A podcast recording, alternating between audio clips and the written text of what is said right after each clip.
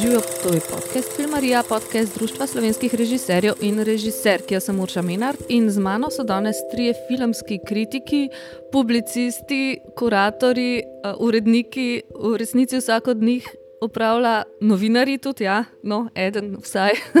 vsak od njih opravlja več poklicov, ampak bomo jih nekako, um, vsi so tudi ali vsaj prvotno kritiki.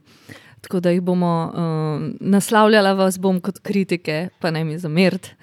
Um, se pravi, tukaj so od leve proti desni žiga Brdni, ki živijo žiga. Zdravo. Anja Banko. Živijo. In Ana Šturm. Živijo. Um, Najprej smo se pogovarjali, bi vas jaz predstavljal, vsakega posebej s tem, kaj delate, kje trenutno objavljate, kaj še poleg tega počnete. In pa smo ugotovili, da je pravzaprav to ne samo težko, ker že da se jaz spomnim, kje vse vas berem, pa da se vi spomnite, kaj vse počnete.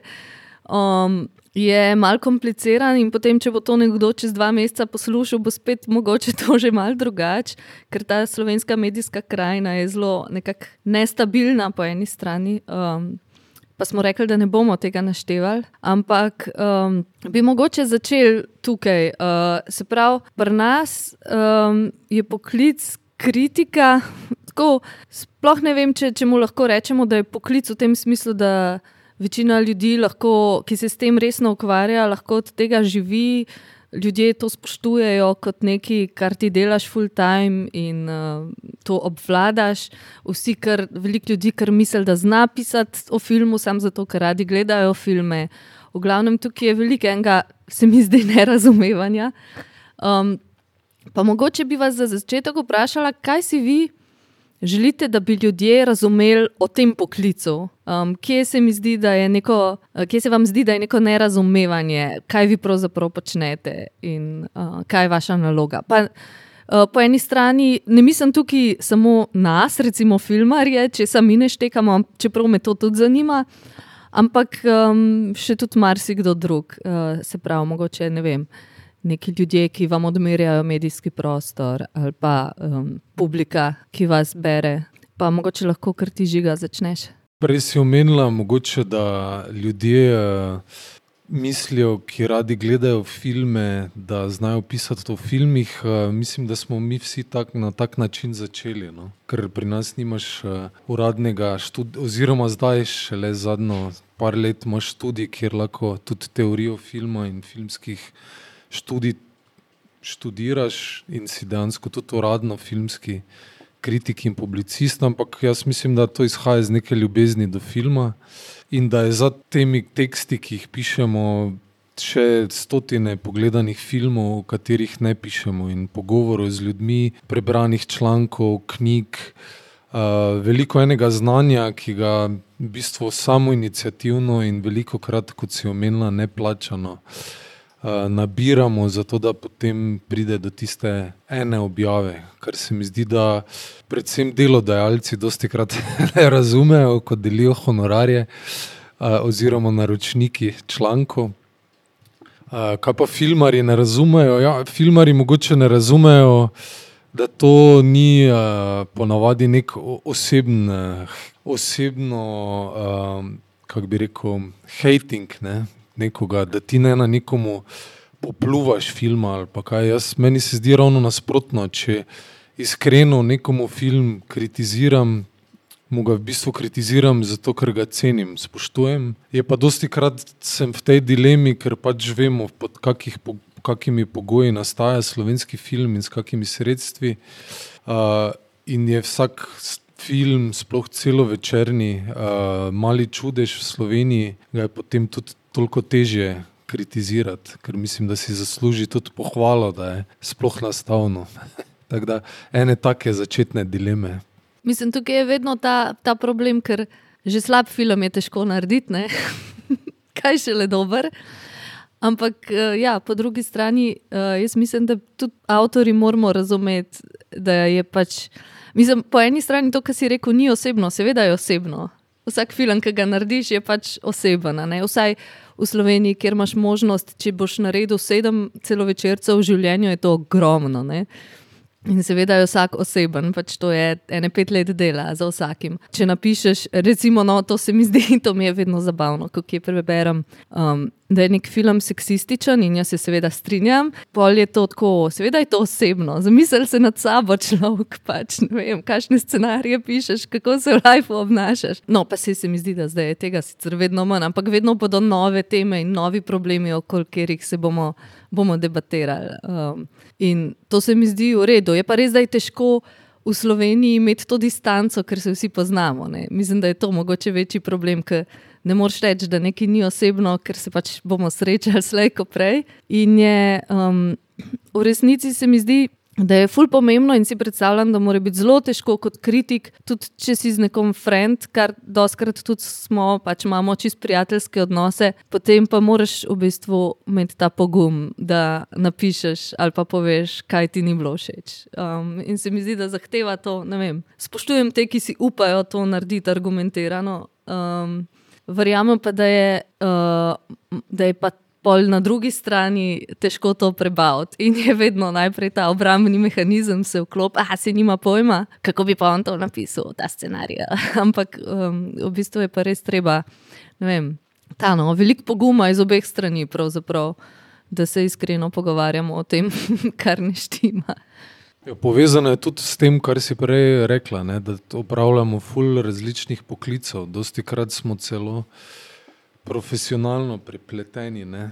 Tudi ljudje, ki so v institucijah, za katere delamo, delajo, delajo filme. Ne? In zdaj, kako boš temu človeku skritiziral film, če, če v bistvu naročaš. Naročati članke. Ne. Tako da je res ta majhnost prostora, zna biti problem, in tudi pomankanje priložnosti. Ker če te en taki človek zameri, lahko de, dejansko vpliva na tvojo kariero. Ni, ni tako, da je deset filmskih časopisov v Ljubljani, ne, kateremu lahko greš naslednji dan, če te bo tisti uh, ne bo več naročil članko. Tako da ta pripletenost je seveda lahko problemna. Kaj si pa ti, Anja, želiš, da bi um, bolj razumeli o tvojem poklicu? Um, ja, mogoče bi se kar navezala na ta izhodišča, ki smo jih uh, zastavili, v smislu, da um, zdi se mi, da naročniki tudi um, sploh v nekih um, bolj mainstream um, medijih nekako zamešajo um, poklic kritika z, z poklicom promotorja. Um, ful velikrat je v bistvu prostor, ki je namenjen um, nekemu razmisleku ali pa pač samo predstavitvi um, vem, novega, sploh slovenskega filma, pravzaprav ne vem, nek prostor za intervju ali pa um, neko tako bolj, kaj rečem, promocijsko besedilo. Jaz sem večkrat dubla, tako ne, ne rabimo recenzije, rabimo tako, a veš, nekaj malo, da predstaviš film, pa mogoče intervju, ampak tudi intervju je največkrat zaželjen bolj v taki spodbujajoči obliki, kar jaz se glede na vse te probleme. Mehnosti scene in um, čudežnosti vsakega slovenskega filma, posebej pač ja, razumem, imam tudi jaz sama osebno vedno željo napisati, kar se da, vem, najti tiste spodbudne um, momente, ampak pač žal se mi zdi, da um, je nek ta prostor, ki je namenjen za neko kritično refleksijo, mogoče tudi dialog, uh, več dialoga s samimi ustvarjalci in avtori, tega pa pri nas umanjka. No. Kaj bi pa ti še Ana dodala? Ja, jaz bi se tukaj strinjala um, z vsem tem, kar je bilo do zdaj povedano. Um, res je, da kritika, v bistvu, mislim, mi vsi počnemo en kup različnih stvari, uh, pa se mi zdi, da so vse tudi na nek način povezane s tem, kar kritik dela. Ne? Tudi recimo kuriranje programov v kinoteki, na festivalih, vodenje pogovorov z režiserji, z avtorji, um, je del kritiškega poklica, ne? ker gre za neko refleksijo uh, filma, za neko kontekstualizacijo filma, postavljanje tega filma v družbeni kontekst, v politični kontekst, v zgodovinski kontekst. Um, mislim, da je naloga kritika prav v tem, da v bistvu zapisuje neke stvari, pol potencialno tudi za zgodovino filma. Ne. Tudi, um, ne vem, jaz, ko pač razmišljam o reviji Ekran, katerega pač urednica sem, uh, pač kaj bo to, ne vem, čez deset let za nekoga, ki bo bral to, si jaz želim, da je to nek dokument filmskega dogajanja pač pri nas, nek pač prerez tega. In to je naša naloga, ne, da v bistvu premišljujemo vse filme, ki nastanejo pri nas, ali pa ki so prikazani prv, pri nas v kontekstu tega, kaj je bilo prej, kakšne so v bistvu neke okoliščine nastajanja teh filmov, kdo so ti avtori, zakaj so te teme pač v tem času relevantne, zakaj so eni filmi seksistični, zakaj drugi niso. Ne? Mislim, tukaj pač mi se ukvarjamo s tem, da um, reflektiramo to. In to je naša naloga. In zdi se mi, da je pomembno, da ljudje pač to razumejo da to je naš poklic, to je to, kar mi počnemo. In pač temu se ne moramo izogniti, ker na ta način v bistvu mi tudi premišljujemo svet, v katerem živimo. Um, in kaj sem hotel še povedati, tukaj še en kup drugih stvari, uh, ampak. Um, Vem, zdi se mi, da tukaj res, kot je žiga že na začetku poudaril, res izhajamo iz neke ljubezni, uh, do filma, da si res v bistvu vsi vedno želimo, da bi bili filmi, ki jih gledamo, pač dobri. Mogoče imamo velikrat tudi srečo, da je prostora za pisati v resnici zelo, zelo mal. Tako da moramo zelo paziti in zelo. Um, Natančno izbrati, o čem bomo sploh pisali, čemu pač bomo posvetili naš čas, prostor v reviji, um, prostor v medijih, zaradi tega, ker ne vem, zdi se mi, da včasih je statement že samo to, da pač nekemu filmu ne namenaš pozornosti. Um, ne vem, zdi se mi, da pri nas, vsaj tako kot jaz delam, um, se mi zdi bolj pomembno, da izpostavljamo dobre stvari tiste, ki uh, želimo, da jih ljudje vidijo, ki želimo, da pač uh, jih ljudje grejo pogledat, jih želimo osvetliti, se nam zdijo dobre, zaradi tega, ker se mi zdi, da je to tudi en, eden od problemov slovenskega filma, da je še vedno relativno nedostopen. Um, in se mi ti, to zdi res pomembno, no, da ga na ta način probamo um, izpostavljati. Um, in ja, mislim, ponavadi, glede na to, da nimamo tako veliko priložnosti, niti zapisati, da je ekran v resnici izhaja šest številk na leto, torej ena na vsake dva meseca, um, revija ima sto strani, torej je pač prostor res omejen. In ponovadi potem pišemo o stvarih, za katere se nam zdi, da je vredno pisati. Ne? In v tem pač procesu se marsikaj tudi izgubi, mogoče tudi včasih kakšna mal bolj uh, kritična ost do kakšnega filma, ki bi mogoče bilo res treba ene stvari izpostaviti. Vsem se mi pa zdi pomembno, da imamo neko to sito, da razmišljamo o tem, kaj je dobro, kaj je slabo, čemu namenjamo konec koncev javni denar, ki je od vseh nas. Um, in da se s tem denarjem pač ravna odgovorno. Ne? In se mi zdi, da tukaj je ta naloga kritikov, da na to pač opozarjamo. Mm -hmm. Zdaj, tukaj je um, par zanimivih stvari, si omenila. Meni se zdi, da je lih to, kar si rekla, na dva meseca iz, izide en ekran, v resnici so to pol doskrat teme, ki so take, ne, to, kar bo nekdo čez deset let prebral, pa bo rekel: Ah, tisto leto so bili te tri filme, recimo, najbolj zanimivi ali kako koli, te, to se je dogajalo. Ampak se mi zdi, da doskrat to neko prav aktualno dogajanje, fully zgine. Zaradi tega, ker prej ti nabereš. Ne, Te članke sta dva meseca mim, nekaj se je zgodilo, že ni več aktualno in ta Ne vem, zdaj kako vi to doživljate, ampak tudi glede na to, kako so te naši, ne vem, nacionalka, pa te največji časopisi, eh, da ne bi sploh o teh komercialnih medijih, ki pač absolutno se s, s takimi temami, ki se bolj okrog kulture premikajo, sploh ne ukvarjajo. Ne? Tam pa res ni nobenega kritičnega premislega, tudi če kdo napiše kaj o kakšnem filmu. Um, se mi zdi, da se malo mogoče prav izgubi to neko aktualno dogajanje, te neke stvari. Um, Pa, pa ne mislimo, da okay, seveda piše se, ker je bila ena premjera enega celo večerca. To je ja, ne. Ampak um, doskrat se mi zdi, da so v ekranu ene stvari in to se mi zdi, da je mogoče tukaj manjka ena pač še nek medij, mogoče ki bi se bolj resno s tem ukvarjal. Preberem kaj, pa se mi zdi, o, škoda, da nisem dva meseca nazaj bila v kinoteki lik takrat, da bi to šla pogledat. Ja, mislim, da je to pač absolutno tudi posledica časov, v katerih živimo, ker v bistvu včerajšnja novica je danes že absolutno pasejane in zelo malo stvari se še dela v bistvu uh, za neko mogoče malo bolj dolgotrajno vrednost, kar se mi zdi velika škoda, ker v resnici mislim, vsaka umetnost, ki je pač dobra umetnost, um, ponuja neke razmisleke, ki bodo pač vedno aktualni in k temu pač tudi stremimo. Drugače je pač seveda z nekimi mogoče aktualno-političnimi dogodki, z nekimi stvarmi, ki se dogajajo okrog filma, ki jih je treba mogoče tudi na mal bolj novinarski način, na mal bolj vem, raziskovalni način obravnavati.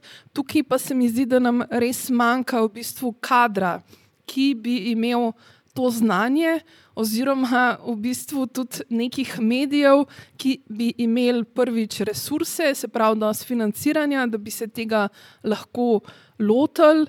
Um, ja, pa pač izobraženega kadra, ne, ki bi to lahko pokrival. Um, ker se mi zdi, da če hočeš take stvari, recimo na področju filma, dobro pokrivati, trebaš veliko enega znanja ki ga pa novinari, pač kulturni novinari, pri nas nimajo, ker je to specializirano področje. In tukaj imamo en velik manjko, ki je pa, po moje, pač posledica več različnih stvari, v prvi vrsti tudi tega, ja, da um, pač do zdaj nismo imeli v bistvu um, izobraževalnega programa, um, kjer bi ljudje v bistvu neke te stvari lahko osvojili. Pa tudi mogoče ja, na nek način ni um, interes medijev, da bi se take vsebine uh, zares pokrivale. Ja, jaz bi res dodala, da se mi zdi problematična ta neka struktura medijskega prostora, v smislu, je itak je v bistvu zdaj že skoraj puhlica ratala, da, da za kulturo je če dalje manj časa in prostora na res razno raznih medijih, ker se, um, ne vem, jaz pogrešam neko rubriko pač v dnevnem časopisju, v dnevnih medijih, radio, televiziji, kjer bi se vsak dan strukturirano pokrival, uh, pokrivale pač različne vrste umetnosti in kulture, ne zdaj samo film.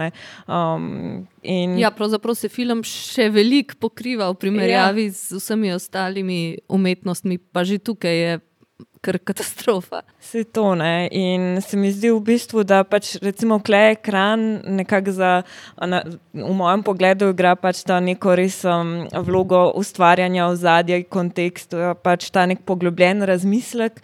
Um, in je zato super, v bistvu, da um, izhaja na dva meseca, za to, da v bistvu imamo tudi piske in pisci čas, uh, da nekako razmislimo in se res poglobimo, pogo mislim, ustvarjamo dialoge uh, s tematikami ampak ja, v srednjih medijih pa žal um, ni v bistvu kontinuitete in tukaj res tudi, kar je Ana omenila, tudi uh, nekega kadra, ker uh, se mi zdi, da če pogledamo, ne vem, dnevnik delo, skoraj da vsak uh, tretji novinar tu pa tam. Utrne kakšno misel o um, vem, re, določeni kulturni dejavnosti, brez da bi mogoče imel neko poglobljeno uh, znanje in tudi jezikovna urodja, konc koncev. No.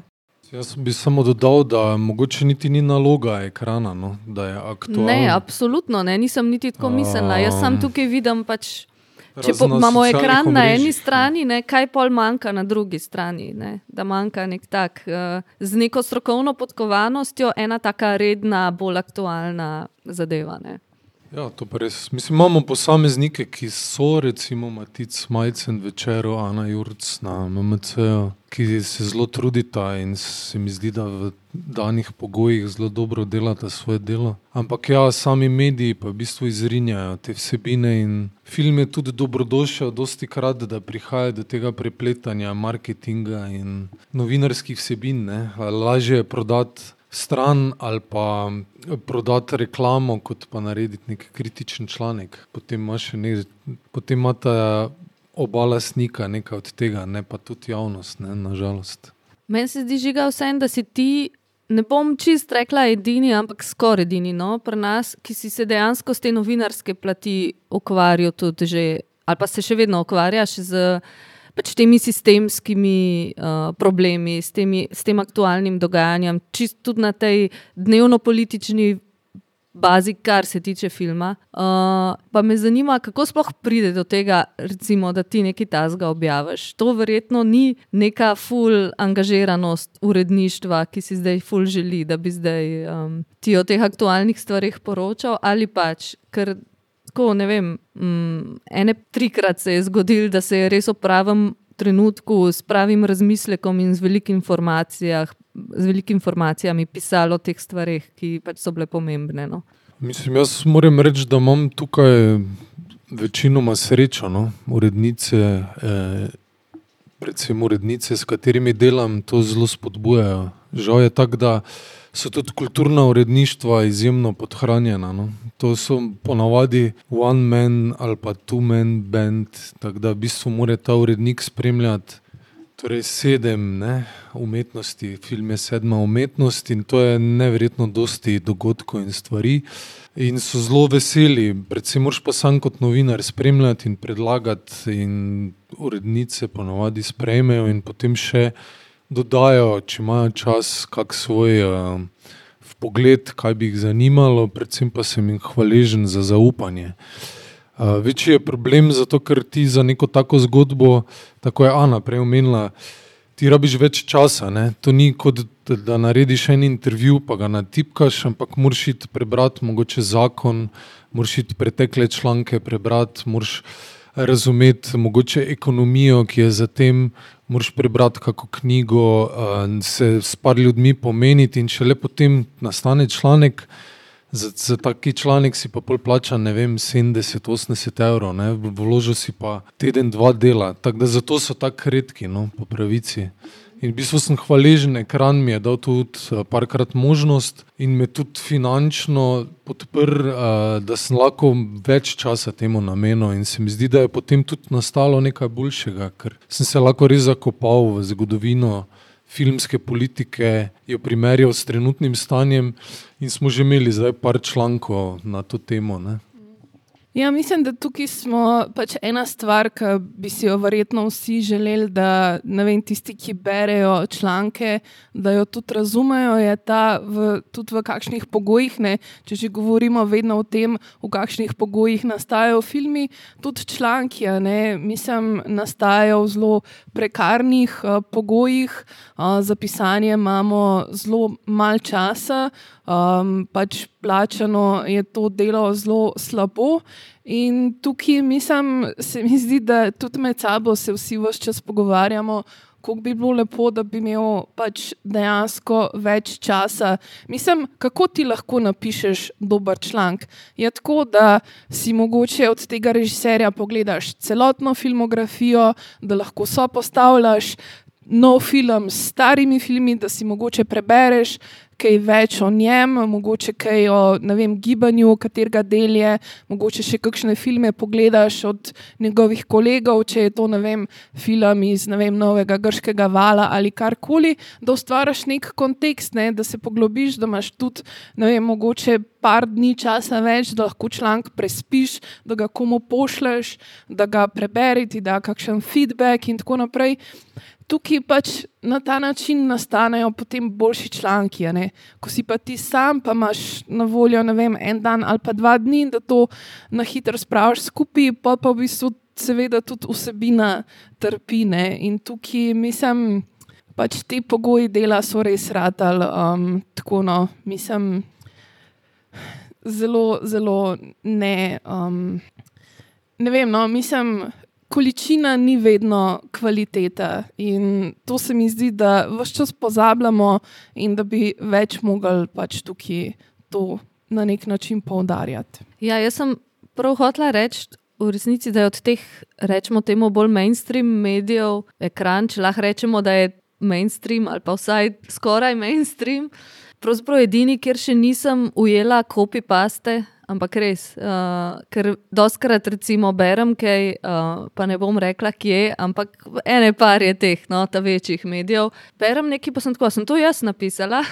to se mi je velikrat že zgodilo, ker jaz včasih napišem, uh, um, če ne vem, uh, društvo režiserjev.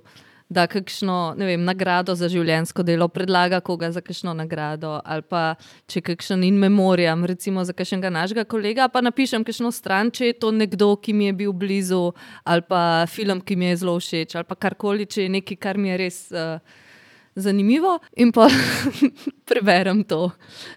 še kje drugje, sem da je nekdo drug podpisan.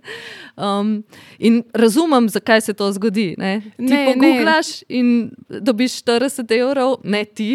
Ampak, ne, mislim, ampak... Da, da tukaj ni nič za razumeti. Mislim, če je to pač tekst, ki si ga ti napisala, vsi ga, vsi ga lahko vključijo v članek, sam ne ga dajo v narekovaje in ga citirajo. Mislim, to se mi zdi absolutno narobe, da veliki mediji zelo velikrat to počnejo in to se mi zdi leno in absolutno narobe. Mislim, pa ko vsi vemo, noč ni narobe s tem, če, če daš člank, na rekovaje, a ne pa citiraš koga. To, mislim, najmanjša stvar in tukaj pač smo pri neki etiki tega pisanja, ne? zaradi tega, ker pa absolutno razvrednotijo pač vse to. Mislim, če se niti tok ne moš potruditi, da to pač pocitiraš, je pa do žalosten. Mislim, jaz se pa vprašam, ne, pa sej. Ko če gledamo um, za, na širšo sliko, se film ni tako pomembna tema, če gledamo zdaj na globalno stanje stvari. Pa če že tukaj vidimo v teh zelo širokih medijih take šlamparije, kaj se šele na drugih področjih dogaja. In se mi zdi tudi glede tega pomembno, da, da imamo medije, ki pa držijo neke standarde. Pri nas, recimo, kot se tudi recimo, radio študent, se mi zdi, obdrži res, res neko, nek standard izvirne misli, ki je podkrepljena z nekimi veri, kot ekran pač to počne. Ne vem. Ja, ampak se mi zdi, da imamo tukaj trenutno en zelo velik problem, kar se mu reče Radio Televizija Slovenija. Ja. Ki v bistvu pač trenutno, kjer vsi ti standardi drvijo v totalno dno. In če kdo bi mogla pač Radio Televizija Slovenija vzdržati te standarde, mislim, da tukaj lahko se navežemo na Anjo Golob, ki vse čas opozarja na to. In tudi na to, da je pač na televiziji veliko premalo oddaj o kulturi, kulturnih vsebin, vsebin o umetnosti, zaradi tega, ker je, so točno te vsebine tiste, ki na nek način pomagajo vzdrževati ta nivo nekega pač kulturnega dialoga. Ki ga pa trenutno manjka povsod, ne samo na televiziji, tudi v politiki. Mislim, redki so tisti mediji, ki se res še trudijo vzdrževati neke standarde in, in nivo. Ja, jaz mislim, da je zanimivo, da to, um, to nižanje standardov, ki smo ga mogoče bolj poznali, te, ki smo delali uh, behind the scenes, pa za kamero na televiziji, kdaj, uh, kar se tiče vem, avtorskih pravic in honorarjev, pa je zunaj slika še bila, kot tako redo, zadnji smo pa vedeli, da grejo gre te standardi dol v dno in pod zemljo. Kako je zdaj se pa to razširilo in postaja evidentno čisto. na vseh nivojih. Uh, in je očitno res tukaj ena malce večja reforma potrebna, kot ne vem, tudi če bo če ta novi zakon dovolj. Um, ampak ja. Um, A se vam zdi, da je zdaj malo mal biti tako prisiljeno pozitivni? A se vam zdi, da je kakšna stvar v našem prostoru fajn? V smislu, to, to pa zdaj, če se pogovarjam z enim Fincem ali pa Argentincem, tukaj to pa pri nas štima. Mislim, to je fully nevarno reči, ne, ampak ko je eno področje tako podhranjeno, ponavadi pritegne fully veliko entuzijazma, pa nekaj ljubezni. In meni se zdi, da to fully opažam. Sloveniji na vseh področjih. Ljudje, ki pišejo filme, ljudje, ki snemajo filme, ljudje, ki organizirajo festivale, ker so bolj ali manj vsi v bolj ali manj slabi situaciji, to delajo iz ljubezni do filma. No. Zelo, mislim, izjeme so, ki delajo to za, iz biznisa, zato ker ni to pred. Posebej dober posel v Sloveniji. Tako da to, to mi je zelo všeč in da se lahko z ljudmi pogovarjam v filmih. No. Da ni to, uh, sem bil že tudi kdaj negativno presenečen, ampak predvsem pri ljudeh, ki so zaposleni v javnih zavodih in institucijah, in je to ena izmed nalog v pogodbi. Ampak drugače sem pa vedno pozitivno presenečen, koliko znanja v filmu imajo ljudje ali pa koliko ljubezni pa entuzijazma. No. To mi je res všeč. Ja, jaz bi se tukaj ful strinjala. Mislim, meni je to absolutno. Sicer se mi zdi, da je nekako že od samega začetka velja, da so ljudje v Sloveniji, ki se ukvarjajo s filmom, absolutni ekstremisti. Se v tem je Marcel veliko krat pisal. Um, najprej so bili um, v bistvu te, ki so rinali v gore in snemali. Uh, Triglav in iz najbolj nemogočih uh, pozicij, potem uh, Partizani. Uh, skratka, mislim, res je, da vse čas delujemo v nekih takih ekstremnih razmerah, ampak se mi zdi, da se velikrat zgodi res to, kar je tudi že pregovorno, ne, da v bistvu. Prav iz težkih razmer na nek način lahko vzniknejo ene zelo dobre pa lepe stvari. In glede na to, v kakšnih razmerah delujemo, tako filmari kot kritiki, se mi zdi, da nastaja res ogromno nekih presežkov, nekih res dobrih filmov. Tudi, recimo, um, pač, ko jaz berem tudi tuje tekste v vem, tujih, recimo, filmskih revijah, se mi zdi, kljub temu, da pri nas ljudje nimajo neke formalne filmske izobrazbe, da pišejo izjemne, izjemne tekste in da je to nekaj, kar bi mogli pač bolj ceniti na nek način. Ja, se mi zdi, da je v bistvu ta neka tudi odsotnost uh, normiranosti um, prostora, misli, besede res um, daje in odpira možnosti ja, za rojevanje nekih novih idej, nekih novih sodelovanj, novih možnosti, priložnosti. Ampak ja, ne, problem je, to mogoče, ker se je lepo videti na radiju, študent, ki delaš vedno iz tega zagona in imaš, ful, imaš svobodo, da pristopiš na kakršen koli način, večinoma do obravnavane teme, ampak pol na eni točki je pa treba um, pač dobesedno poskrbeti za life, ne vem, odrasteš, dobiš otroke, treba je plačati dodatno zavarovanje, zdravstveno in tako naprej. In, Ja, no, na eni točki se pa upehaš, no, in to se mi zdi en tak um, problem. No. Um, ja, izčrpanost in upehanje. Ki, mm. Mogoče bi še nekaj dodala. Se mi zdi, da ta neka obrobna pozicija, da si nekje mogoče malo bolj na margini, se mi vseeno zdi, da ti omogoča to, da si lahko malo bolj radikalen, malo bolj kritičen, da lahko mogoče delaš malo bolj zunaj nekih spremljivih okvirov, uh, kar je mogoče tudi ena stvar, ki jo pogrešam pri slovenskem filmu. Jaz sem glih hodila reči, da je pa ne samo pri filmu, tudi pri ja, pr medijih, pa, pa pri medijskem razmisleku o umetnosti. Se mi zdi, da mogoče malo premalo izkoriščamo to, svo, to da smo v resnici neki underdogi, ne? večni. Da mogoče bi zelo bolj kot priložnost um, lahko to vzeli. To je zelo pogrešam, ja. da bi ljudje v bistvu tako jim gre že zelo slabo, pa še, še klonejo, no? da, da ne začnejo grist pa belskati. Ja, ampak je res, da je to ful težko. Ne? Jaz vse čas spodbujam pisce tudi, da recimo probajo neke nove žanre, da mogoče na mal drugačen način napišejo tekst, ampak se to zelo redko zgodi. No. Mislim, se mi zdi, da ta konformo, konformnost je nekaj, kar um, rabaš veliko energije, da presežeš. Ne. In rabaš tudi v bistvu imeti neke malce bolj ugodne okoliščine na nek način. Um, tako da to je nekaj pač po mojem, pri čemer uh, nas čaka še veliko dela. Mislim, jaz definitivno mislim, da smo odprti do tega, sam mogoče nam more kdaj tudi kdo pokazati nek prvi korak. Meni se vsem zdi, ko berem te tekste, da je zdaj. Spomnim se, ko sem jaz začela. Um, Delati filme, recimo, pa se je vedno pisal, mislim, to je bila pač generacija kritikov, mogoče starejša, kjer vi, tudi, uh, vi še niste, verjetno, niti začeli objavljati, Anja, ti sigurno ne, ampak tudi vi dva, uh, Ana pa žiga, po moje. Ko se je pisal samo scenarij, kot je bilo samo zgodbi. Uh, Da, mislim, mogoče so to res tudi bili ljudje, izključno s kakšno uh, primerjalno književnost, izobrazbo, pa, pa niti niso vem, tako razmišljali. Mogoče so tudi filmi bili bolj konvencionalni v tem smislu. Ampak to se mi je zdelo zanimivo, ker je v bistvu bilo zelo dolgočasno brati te, včasih te slovenske tekste v filmu, ki so bili zelo tako, kaj zdaj ta scenarij sporoča gledalcu. In to je bila ena tema, in je bilo v glavnem vse na to temo. In če tega res ne znaš dobro napisati, to je nekako zelo banalno. In se mi zdi tukaj, da je, ne vem, no, da je bil.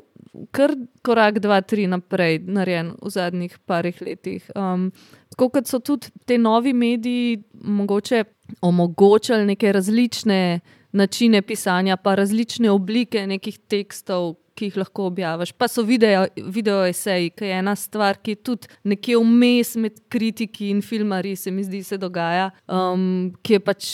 Tako zdaj za to dobo interneta se mi zdi značilna, pa je ful zanimiva. Pa, um, ne vem, tako na, na več, tako bolj raznoliko se mi zdi, da se v filmu piše in razmišlja, tudi pri nas. In um, se mi zdi, da tudi to, da mi lahko ne samo da beremo zdaj neke tekste o filmu, ampak da tudi gledamo videoeseje. Da lahko, ne vem, mislim, milijonje poslušamo podcaste, milijonje Instagram-akauntov, ki objavljajo neke. Ne vem, ali odlomke, ali pa sam tako stil frame iz filmov, pa gledaš, aha, kaj pa je to, to pa zgleda zanimivo. Pa se mi zdi, da marsikdo, marsikater nov fan, recimo, ali pa nov kritik se na čist na ta način zgodi, ker pač na internetu prisurfa do enega od tisočih teh oblik, um, na kere se o filmih razmišlja, filme prebavlja na nek način. In se mi zdi, da se tudi to pozna pri pisanju. No? Tako, da, tako da se mi zdi, da je tukaj zdaj, čeprav vem, da je pač vedno želiš najti nekaj novega, pa še nekaj bolj zanimivega, pa se vidi, da se tudi recimo v ekranu trudite tukaj z nekimi različnimi oblikami, kako o filmu razmišljati, pa pisati. Ampak se mi zdi, da je tukaj vse nek napredek. So pa ene stvari, ki so klasika iz razlogov. Um, tako kot sta se pogovarjala, uh, Hitchcock pa Trifone, sta bila. Recimo, To pač ne bo nikoli šlo iz mode, po moje, ker pač uh, za tak način dialoga se bodo vedno najdel zanimivi ljudje. Ne? Tako da čisto vsega tudi ni treba, po mojem, izumljati na novo. Ampak, ampak se mi zdi, da se to v zadnjem, v zadnjem času ful dogaja, teh nekih novih oblik, pa tudi ful bolj dostopno je. Um, Mogoče ne na tem nivoju, um, zdaj najvišjem pisati v filmu, ampak marsikdo lahko se vključi v ta dialog v filmih, um, kar se mi zdi po svoje kul. Cool. Jaz se verjetno k temu v bistvu dosti prispeva tudi um, vseeno. Um, vse bolj močna filmska in kulturna vzgoja, ker čeprav je še veliko, veliko velik za postoriti na tem področju, pa um, vse ni za zanemariti teh um, v bistvu naporov, ki so do zdaj nekako se trudijo približati um, mladim filmsko in drugo umetnost na mogoče mal bolj prijazen način. No. Ja, pa mislim, da tudi um, ona tukaj, v primeru ekrana, opravlja zelo dobro delo, no? da se trudi res uh, vabiti različne pisce, da tudi filmari se vključujejo, da se tudi vključujejo scenografi, filmski teoretiki, praktiki, da tudi iščemo zgodbe malo drugačne, da nočemo samo te klasične kritike ampak je spodbujeno to, da ne vem, naredimo portret Lučkara ali pa predstavimo poklic arhivistke. Pa, in, eh, pardon, ja.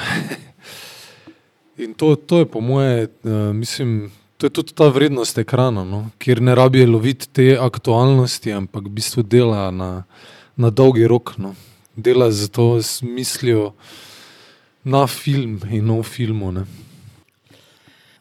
Ja, tukaj dve stvari, ki sta jih tudi vidva, oba dva že poudarila. Mislim, da smo res tako absolutno potopljeni v podobe. Mislim, kamorkoli se obrneš, so podobe. Ne? Mogoče bolj celo kot neka filmska pismenost, se mi danes zdi pomembna neka splošna medijska pismenost, ki se mi zdi, da je pri nas še vedno zelo, zelo uh, slaba. In um, Vem, tukaj se mi zdi, no, da eh, pač očitno obstaja ena zelo velika potreba po tem. Če smo se prej pogovarjali, da v bistvu v nekih teh klasičnih medijih, kot je vem, nacionalni radio, televizija, časopisi z velikimi nakladami, pač te osebine izginjajo, se pa po drugi strani v bistvu pač ta produkcija teh vsebin, kot si rekla, že urša, video esejev, podcastov, pač množi. Um, do te mere, da jim absolutno ne moreš več slediti. Kar meni pač v bistvu pove predvsem eno stvar, ne? da ta potreba po pogovarjanju o tem um, obstaja. In da je to nekaj, kar, kar ljudi pač zanima in o čemer pač želijo sodelovati. Sej, mislim, mogoče danes celo bolj kot filmi so televizijske serije, ki pa itak večinoma se izhajajo iz filmov, ne, iz filmske pripovedi. Um, se mi zdi, da so tako pomemben del našega življenja, da veš, so del vsakodnevnih pogovorov, um, so tako prepletena z našim življenjem, da so na nek način del v bistvu vsak dan in jih na ta način tudi želimo reflektirati, se o njih pogovarjati s svojimi prijatelji, bližnjimi. Mislim, za me je tudi nekaj najlepšega. Mislim, ena stvar, ki jo mogoče predvsem zaradi zadnjih dveh, treh let, mislim, sem pogrešala in jo pogrešam, je ta skupnost. Um, ko greš na en filmski festival in tam srečaš ljudi, ki jih isto zanima film, um, da se lahko, ne vem, takoj potem, ko pogledaš nek film o njem. Pogovarjaš, si izmena, izmenjaš mnenja, mogoče dobiš kakšno novo perspektivo, ki jo sam nisi videl. Mislim, to so pač neke res lepe stvari, ki so absolutno del tega, pač, kar mi delamo, pa zakaj imamo v konč, končni fazi pač radi film. Pa mogoče smo en aspekt tu pozabili, ne, eh, družbena omrežja, kjer v bistvu vsak se počuti, da je lahko kritik. In v bistvu kritika sama, ta gola, klasična, nima več mogoče take teže.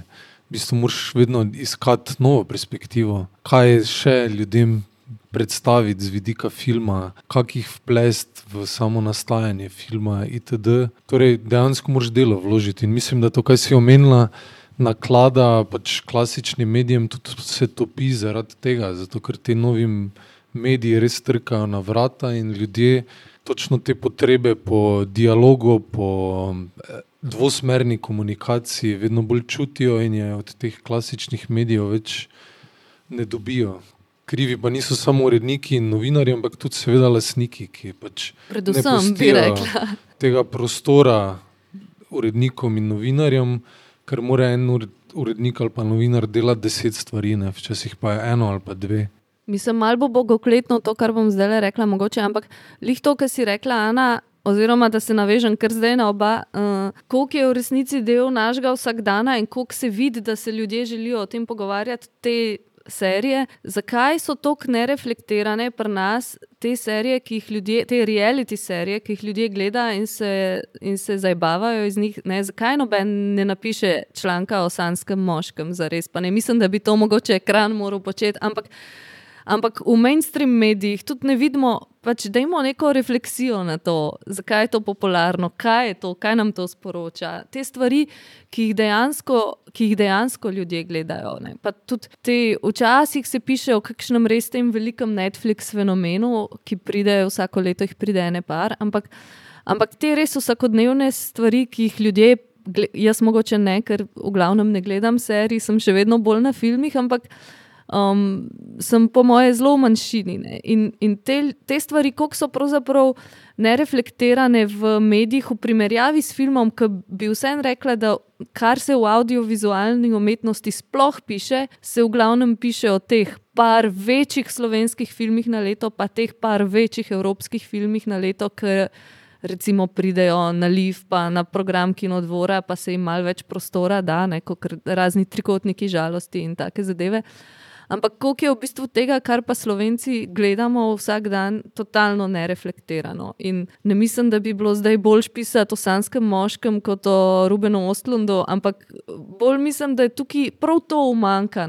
V teh, v teh eh, mainstream medijih nek dodaten prostor za to medijsko, seveda, to se ne bo zgodilo v komercialnem mediju, ampak za to medijsko kritiko. Ne. Ja, sej pa ne na zadnje, ne dodamo še, koliko RTV dokumentarcev pač nastaja, ker pač gre ogromno denarja v to. In, um, Pravzaprav bolj malo denarja. Ja, ampak no, ampak tako ogromno. dela in časa pa vse. Tako, ne, pač ta neka količinskost, ki se pač ustvarja in to obstane tam v pač prostoru in času zabeleženo na MMC portalu. In, um, ne vem, se mi zdi, da tudi pač uh, odsotnost refleksije tega vsem, pač, ne vem, jaz, jaz si predstavljam, da kot ustvarjalka bi si recimo želela, da nekdo pač, ne vem, da dobiš nek feedback, da se vzpostavlja nek kontekst, ker se včasih zdi, da, so, da je vsa ta produkcija pač skoraj da sama sebi namenno, ne vem. Mislim, jaz sem, po mojem, lahko ekstremno zadovoljna, ker to feedbacka, kot sem ga jaz dobila za te svoje filme, se mi zdi, da res sem imela zelo srečo. Ampak um, bolj se mi zdi, da manjka to, recimo, kar um, uh, skrivnostna oseba z imenom Stanka Prodnik objavlja v mladini, recimo vsak teden, ko je nekaj, ampak to je ena stran na teden v nekem. Uh, kako že temu rečejo na, uh, v, na Novi 24, kaj je to, neko brobni ali kakšen že tednik ali nek marginalni medij. Um, Nekaj drugega, ne vem, kako ne bom se spomnila, ampak ne, uh, reflektiranje medijskega prostora v tistem tednu, predvsem televizije, tudi to, kaj TV dnevnika, se bomo o tem kaj pogovarjali na ta nek resen način. Ne, ne samo, kaj, je- kaj so novinari povedali, ampak kako to zgleda, kako je to narejeno, kaj nam servira pravzaprav televizija. Uh, ne vem, se mi zdi, da je premalo tudi o tem govora. No? A boš ti, ki smo imeli glih, eh, te debate v televiziji, pa v pokrivanju teh eh, stvari imamo vse čas na uredniških sestankih, ampak tukaj nam pa res primankuje uh, piscev, ki bi se pač s tem ukvarjali. Mislim, televizija je en zelo, zelo velik manjko. In tukaj mislim, če kdo želi pisati o televiziji, prosim, naj se nam javi čim prej, uh, ker si res želimo več pokrivati teh stvari. Ja. Ampak mogoče lahko žiga, kaj več tukaj poveš.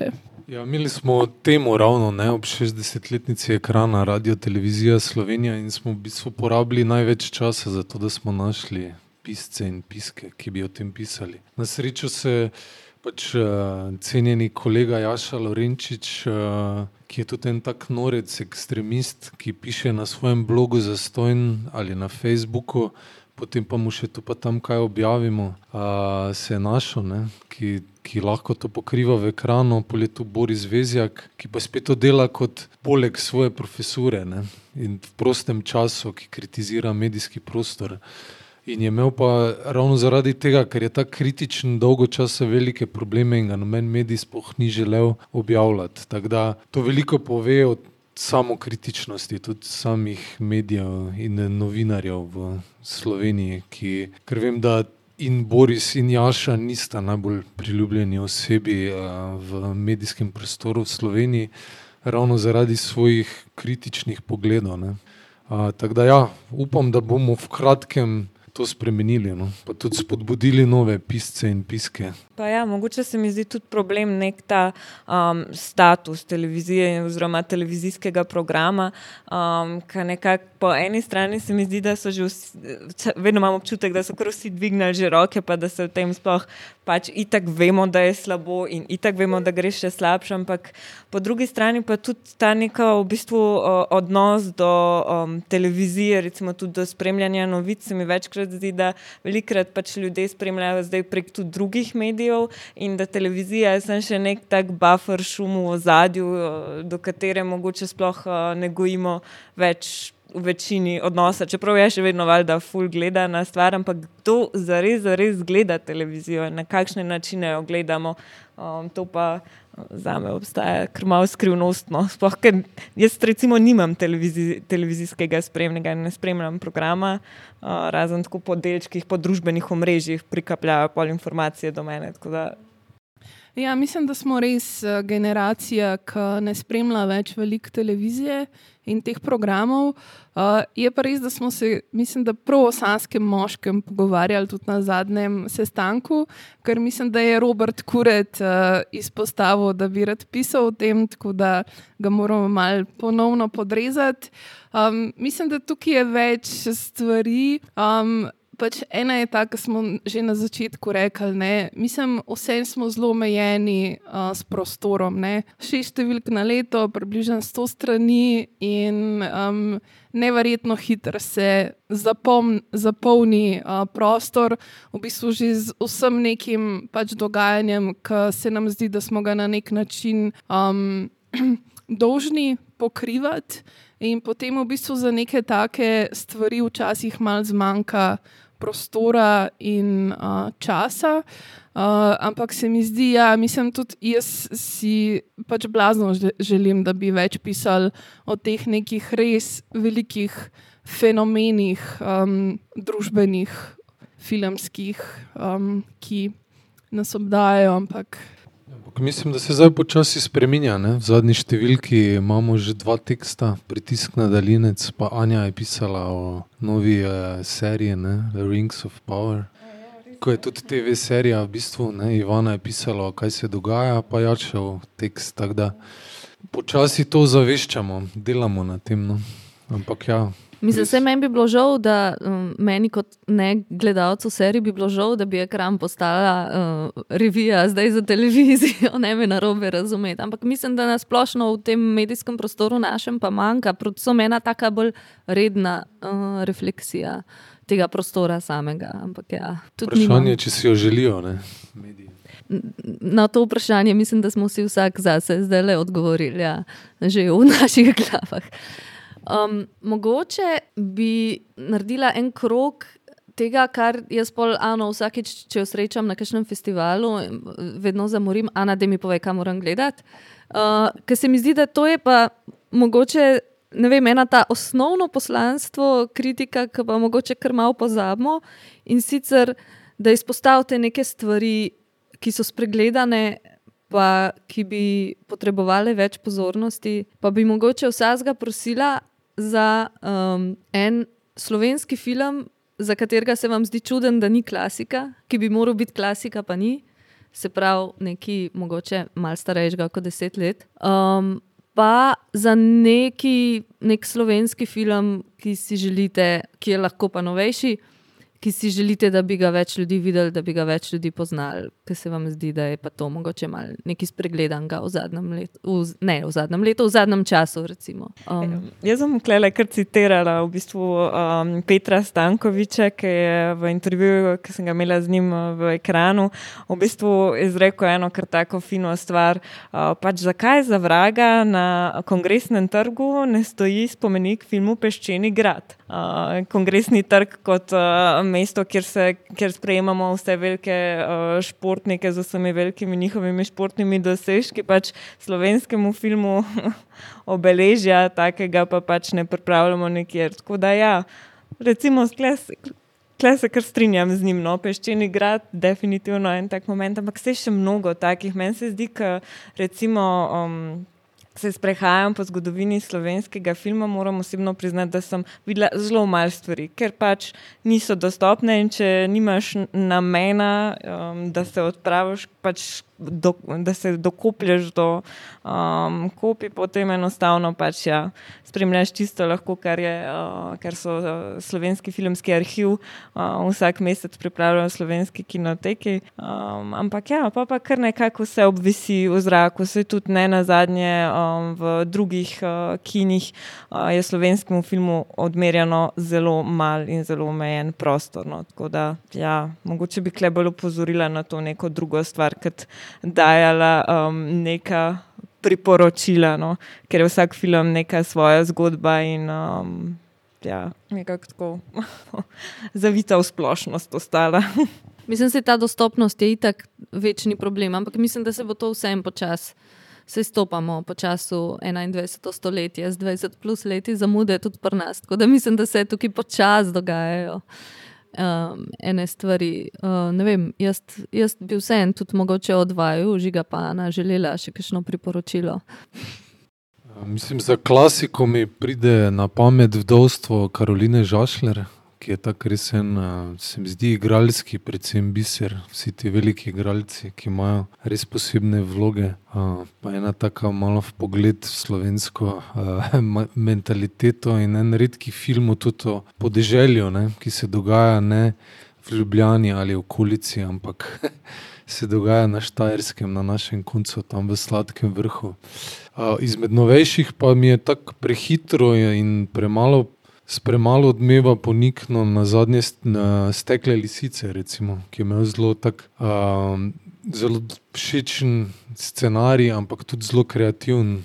In to je tako en žanrski film, ob katerem sem se lahko zabaval, ki je bil na meji določenih stereotipov, ampak se mi zdi, da jih ni, ni prestopil. In v bistvu mi je bil zelo zabaven, sem v njem užival. Ni ga pa nikjer več za videti. Tako da se čudim, mislim, da je TV film, RTV, da se to ne ponavlja no, večkrat ali pa da se ne prikaže še kako drugače. Ja, to je glih uh, malo podobno kot to, kar je Anja prej omenila s temi dokumentarci. Mar se kaj dobrega se naredi in uh, po tistem enem mestu, ko je to na MMC-ju dostopno, pa se jim mogoče se pa da, ne vem, ampak moraš prav tako zakopati se do komovcev in do kolen, da kišno tako stvar najdeš. Ja, da smo res tako zasuti um, z najrazličnejšimi vsebinami na tisoči in eni platformi. Mislim, absolutno živimo v času hiperprodukcije, tako da se mi zdi, da se da zelo veliko stvari se izgubi. Ne samo takih obskurnih, zaradi, za katere itak ne vemo, ker nimamo iz kje izvedeti, kot tudi, tudi takih, ki so mogoče malo večje. Ampak ne vem, mogoče če malo obrnem, pa najprej začnem. Pr, um, nekem sodobnem filmu, recimo trenutno je v kinodvoru igra pač en kup odličnih filmov, pa se mi zdi, da je pol recimo en tak film kot je Osem gora, ki je res uh, meni izjemen, nekako kar ponikne. In je pa to res en tak film, ki ga je nujno treba iti gledati v kino. Um, Prav, zaradi, mislim, v kinodvoru ima perfektno platno za pač. Um, da uh, za 4-3. Uh, fil, mislim, tako, no, to se mi zdi, da se kar dogaja zelo pogosto na zadnje čase, da je marsikaj je dostopno, ampak ne vemo niti, da, da je. Uh, kar se tiče slovenskih filmov, um, bi mogoče izpostavila kratke filme Jožeta Belca. Uh, on se mi zdi res en tak slovenski tati. In te njegovi kratki filmi, v, ki, ki jih je on režiral in v njih tudi igra, uh, se mi zdijo res fantastični.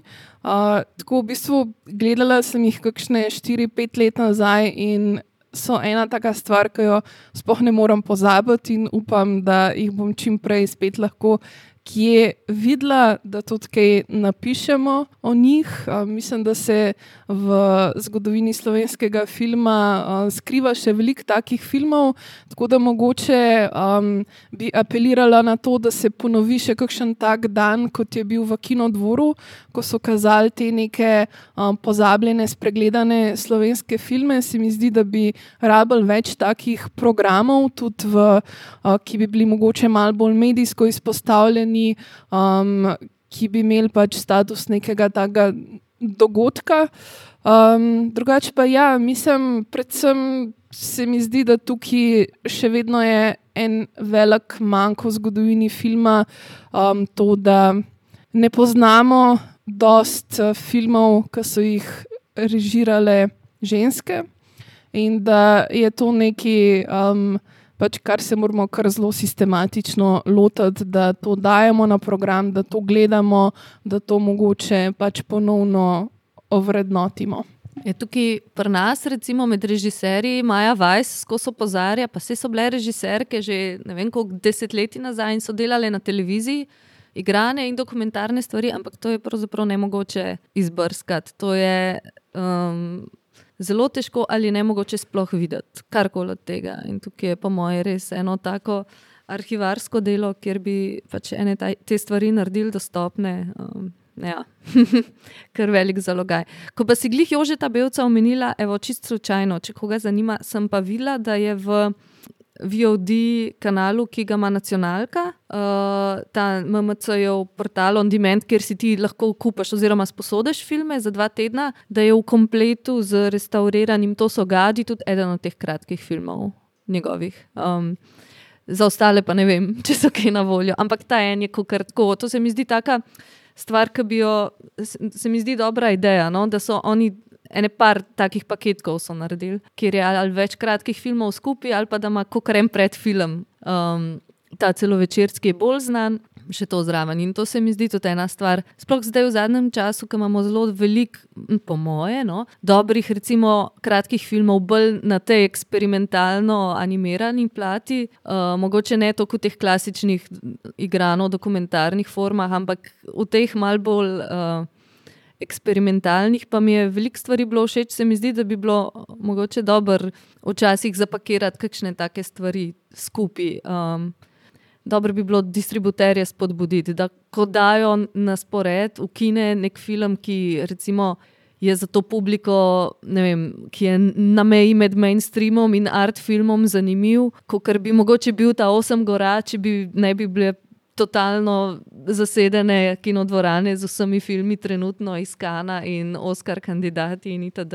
Ali pa en film, kot je Trikotnik žalosti, ki sicer meni ni všeč, ampak ok, nima veze, pač ima verjetno veliko neke publike potencijalne, da se enemu takmu filmu, mogoče glih ne temu triurnemu, da zraven neki, ki bi pa še malo odprl, nekaj kratkega, ki bi pa še malo odprl, mogoče uh, kakšna nova obzorja enemu gledalcu, ki vstopa v ta svet, recimo malo bolj zahtevnega filma. Evo, pa mogoče še malo reklame. Sicer ne vem, kdaj bo tole um, objavljen, ampak recimo v, v petek v kinoteki vrtimo film Dogma, uh, ki pač ni dostopen na nobeni platformi, zaradi tega, ker uh, nimajo pravic. Uh, Govoriš o filmu Kevina Smitha? Tako A, je. Tako je. In v bistvu včeraj sem ga ponovno pogledala, in um, me je res zelo prijetno presenetil, ker absolutno zdrži in je totalno aktualen. Tako da lepo vabljeni. Okay. Um, zdaj pa za konc, a uh, bi vi kaj vprašali mene? Oziroma ne mene, tako mogoče osebno, ampak ali pa nekaj, kar bi radi. Ne vem, se mi zdi, da nimamo doskrat dialogov med režiserji in kritiki, pa ne mislim, da bi se zdaj morali kregati ali karkoli. Ampak tako, um, ene stvari, ki bi jih radi povedali, vprašali um, razumeli. Ja, jaz mislim, da mogoče ni to vprašanje kot uh, ena taka eh, žogica. Se mi zdi, da bi bilo super, če bi imeli tudi kakšne skupne večere, da bi se mogoče, uh, da bi si skupaj pogledali nek film in se pol pač pogovarjali o filmu. Dva kritika, dva režiserja. Mislim, da bi to znale biti zelo neke um, plodne debate. Uh, zdi se mi, da tako vedno, ko, recimo, ko sodelujemo v kakšnih žirijah, ponavadi v kritiških, um, mi je zelo zanimivo spremljati, ker uh, v tistih žirijah, ko so pač ponovadi filmski ustvarjalci, uh, vedno izberejo drug film kot kritiki. Uh, in me vedno zanima tudi tako, veš, na kakšen način vi gledate film, na kakšen način mi gledamo film, kaj so nam pomembne stvari, kaj so vam po pomembne stvari. Um, jaz tudi mislim, predvsem zaradi tega, ker sem na tej poziciji, kjer sem tudi vse čas uh, sprašujem uh, filmske ustvarjalce, kaj. Če bi si želeli več v ekranu, kakšnih vsebin, kaj jim manjka, um, ampak v bistvu bolj redko dobim neke konkretne odgovore. Tako da, evo, mogoče to bi bilo vprašanje. Uh, sicer nekaj si že omenila, da bi mogoče več. Um, neke refleksije televizije in velikih um, fenomenov filmskih. Ne v ekranu, ne, ne, ne. to ne dela kdo drug, vi kar bodite filmska revija. Kaj so recimo neke osebine, o katerih bi si želeli, da bi se več pisali, oziroma um, čemu bi želeli, da bi se posvečali več pozornosti, tudi mogoče znotraj nekih naših tekstov, kritik, Um, ne vem, vi, ko berete pač naše kritike, kaj v teh kritikah pogrešate? Recimo? Najprej um, zanimiva ideja za te deble, ne? to je, uh, da se dobimo na tenis ali pa badminton, uh, da jim razmisliti. Sam treba je najti, se mi zdi, nek tak, uh, treba je najti dober film ali pa mogoče ne cel film, mogoče neki, ne vem, dajmo razmisliti, sliši se, mogoče bi lahko bilo zanimivo. Ja. Um, pa da nekdo zmaga na koncu. ne, ni treba, da smo tekmovalni. Uh, drugače pa kaj, pa, mislim, meni je vedno zanimivo, ko vidim in včasih sem zelo to pogrešala, zdaj se mi zdi, da gre tukaj, da je, gre na boljš.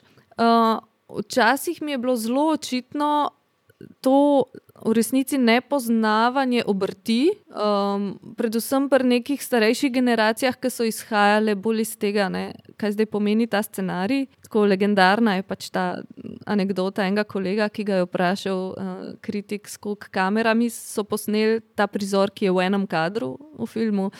Um, kar mislim, da se danes ne bi več zgodil, um, ali pa vsaj noben ne bi tega objavil.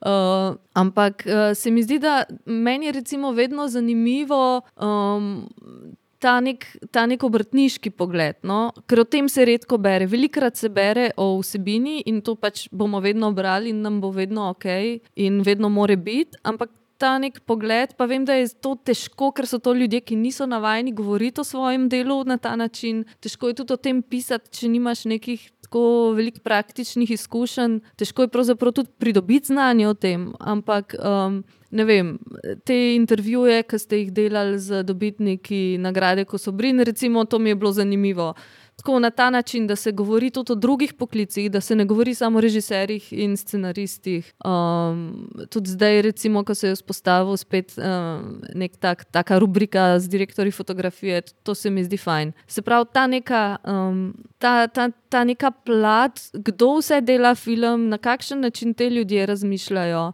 Uh, pogovori z igravci, ki niso na prvo žogo, kar je v mainstream medijih velikrat pač kar boleče brati, kaj jih sprašujejo oziroma jaz tega v glavnem ne berem. Um, tako, take stvari, no, se mi zdi. Um, fajn, fajn se mi zdi pogovarjati o nekih konkretnih, um, konkretnih stvarih, kako, zakaj so bile narejene. Um, to se mi zdi tako ena stvar, ki zdaj včasih se zgodi, pa, pa je vedno tako osvežilno. Tudi se mi zdi, da ko sem bila um, vem, v srednji šoli, pa me je začenjalo to zanimati. Pa ne to, da bi pisala o filmu, ampak da bi delala filme, da bi mi bilo fajn nekaj tasga brati. No. Jaz se meni zdi z tega stališča v bistvu kar um, en tak, uh, kar, kar sem recimo jaz pogrešala svo, na svoji uh, poti uh, kritiški, da uh, poskušamo zdaj na teh delavnicah povabiti tudi uh, različne filmske ustvarjalce, filmske poklice, ki v bistvu predstavljajo svojega vidika, uh, svoje delo, ker uh, ja, se mi zdi en velik problem še vedno ostaja in obstaja v terminologiji in besedišču, ker smo mogoče pač filmski kritiki malce podhranjeni. No. Mislim, tudi režiserji, mi pa uporabljamo angliške in nemške izraze za kakšno stvar, jaz, ki jo dnevno se srečujem z njo, ne vem niti, kako se v slovenščini reče. Uh, in tukaj res mogoče nismo na dosti visokem nivoju še vzpostavili niti misli, dialoga, teorije o tem, da bi sploh se znali pogovarjati. Ne. Ja, tukaj nam manjka še veliko, v bistvu tudi nekega prevajanja, neke pač literature, ki nam manjka, um, tudi ljudi, ki bi se s tem ukvarjali. Si imamo en izjemen pač filmski leksikon, ki je že zelo dolg časa razprodan in ki bi bilo nujno, da bi ga um, updated, ampak to je eno zelo, zelo veliko delo, ki potegne tudi zelo velik strošek za sabo. In tukaj bi se mogle, mogoče, veš, vse te stanovske institucije oziroma društva nekako mogoče stopiti skupaj in pripraviti nek tak um, projekt. Ker ja, tudi glih po ekranu se s to terminologijo tudi zelo veliko uh, soočamo. Um, in jaz veliko krat pišem direktorjem fotografije, kako se pač temu reče, itd., ampak tudi oni ne vejo, ne? Ni, ni imamo pač prevedenih izrazov za določene um, stvari. Um, Drugače, AGRFT s tem ukvarja, mislim, da Martin Srebotnjak v glavnem um, tam pač se s to terminologijo precej ukvarja. Je pa pač to vse um, mm. preden to pride, ne, do vseh teh, do katerih bi to morali priti, Ne? Ja, super bi bilo, če bi lahko bilo to nekje javno dostopno, ne, na neki spletni strani, kjer bi pač bila ta neka zbirka, da bi vsak lahko to pogledal, preveril. Pač tukaj se mi zdi, da iz tega vidika rabimo pač tudi en z drugim več povezovanja, sodelovanja.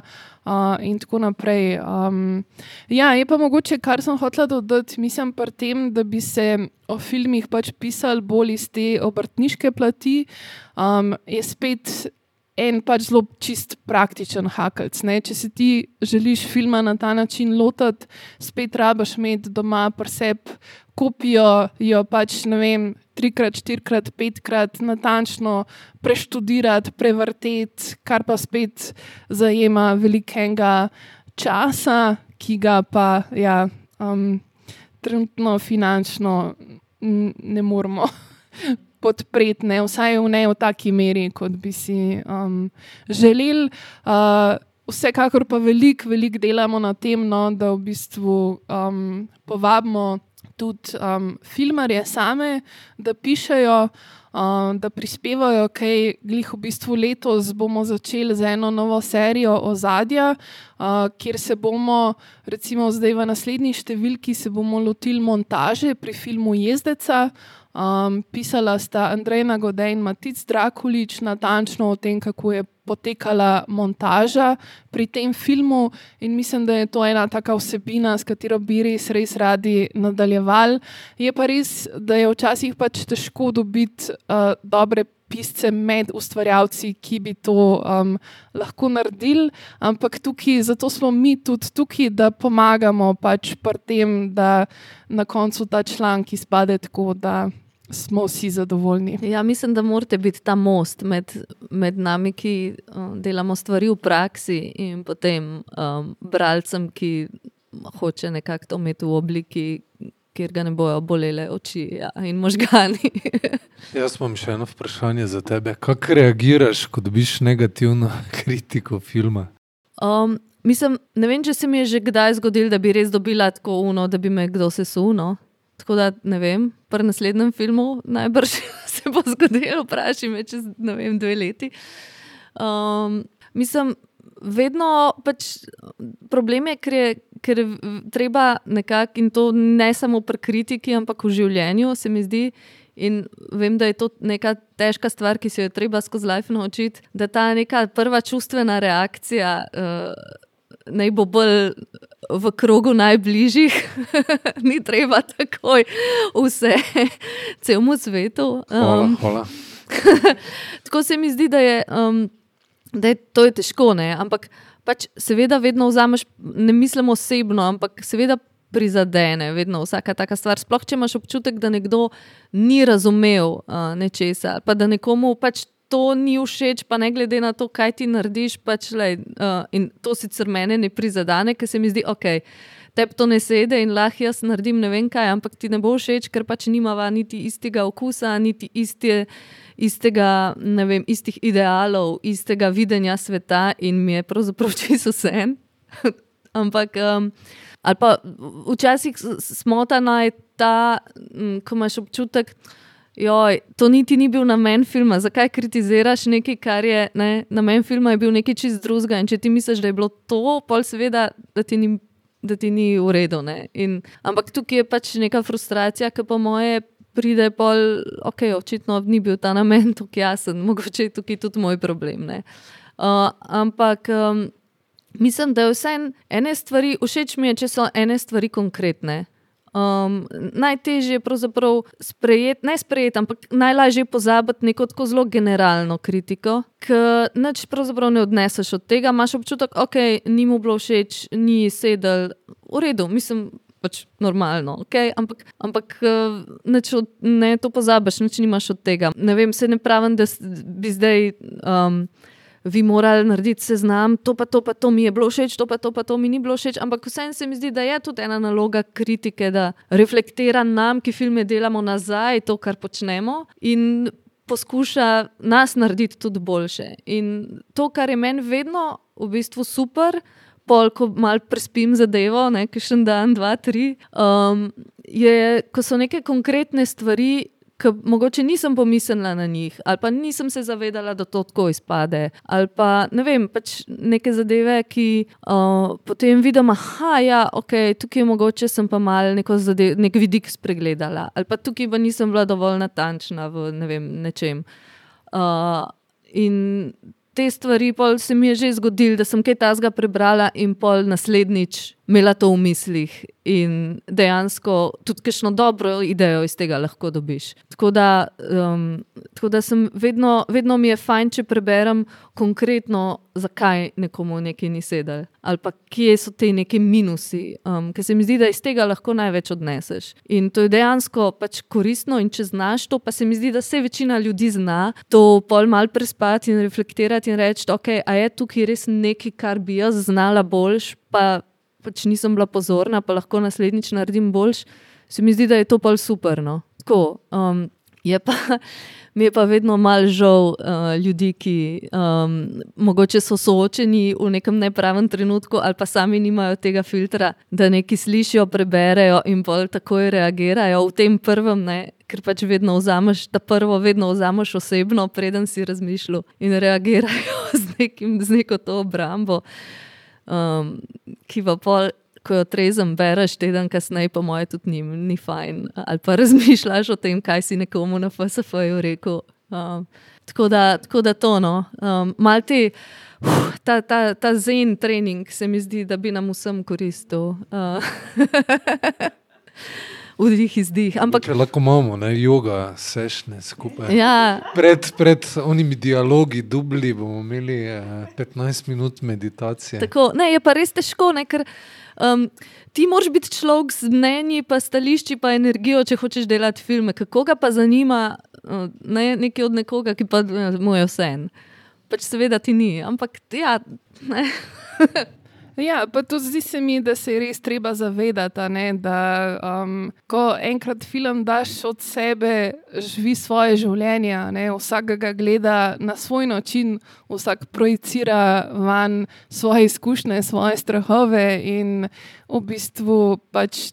Ti si naredil tisoč različnih filmov za vsakega gledalca, pač neko svojo verzijo. In logično je, da se Mislim, nikoli se ne morajo vsi strinjati uh, z enim delom, mislim, hvala Bogu, ker če ne, bi me bilo pa res strah, če bi vsi mislili, da je nekaj res uh, pač dobro. Ja, ja meni se zdi, da je to pravzaprav, če znaš to, um, mislim, če res razmišljaš o tem, je to nekaj najlepšega. Um, To, da uh, vsak ta film vidi po svoje.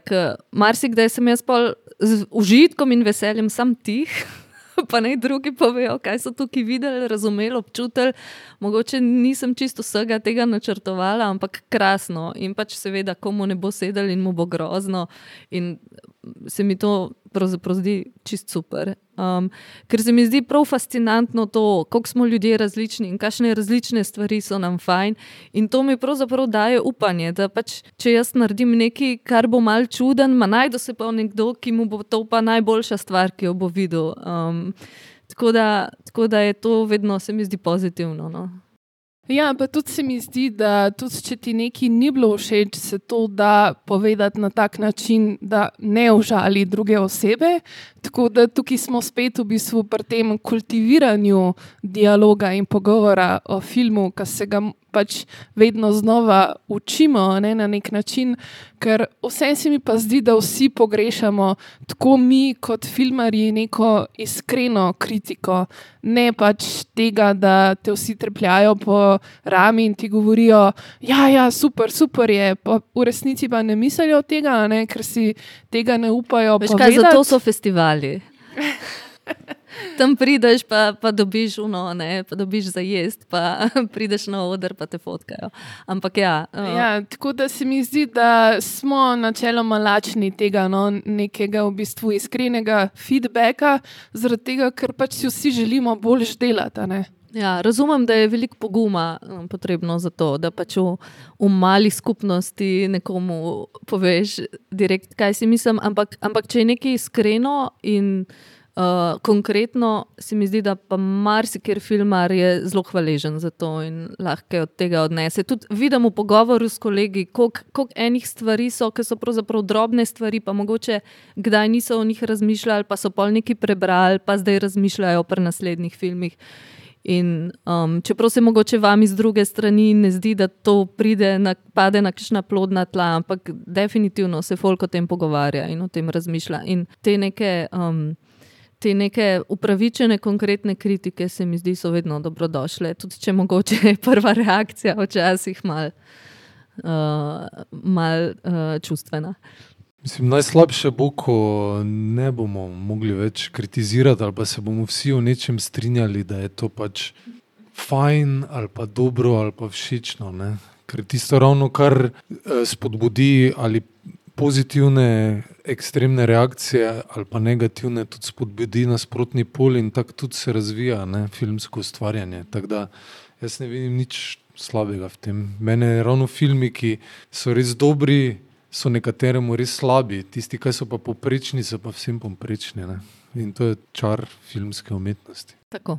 A smo, se mi zdi, prišli do enega uh, lepega uh, zaključka, mogoče. Uh, okay, uh, žiga, Anja in Ana, Ful, hvala, da ste bili tukaj zdaj z mano za tole ping-pong mizo, za katero bomo odigrali kakšen ta kritiško-filmarski duel, mogoče kmalo.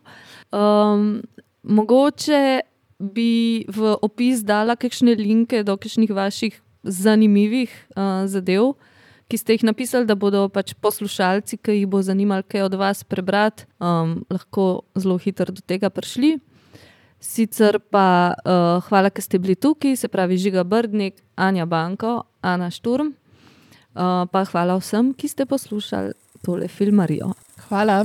Hvala za povabilo. Se beremo ne? in gledamo. In poslušamo. Adijo. Poslušali ste podcast Filmarija, ki ga izdaja Društvo slovenskih režiserjev in režiserk s podporo Slovenskega filmskega centra Javne agencije Republike Slovenije producentka Zala Opara, tehnična izvedba Luka Marčetič. V ponedeljek 30.1. ob 20. uri lahko na portalu rtvslo.si spremljate pogovor v živo ob predvajanju celovečerca Damjana Kozoleta Rezervni deli.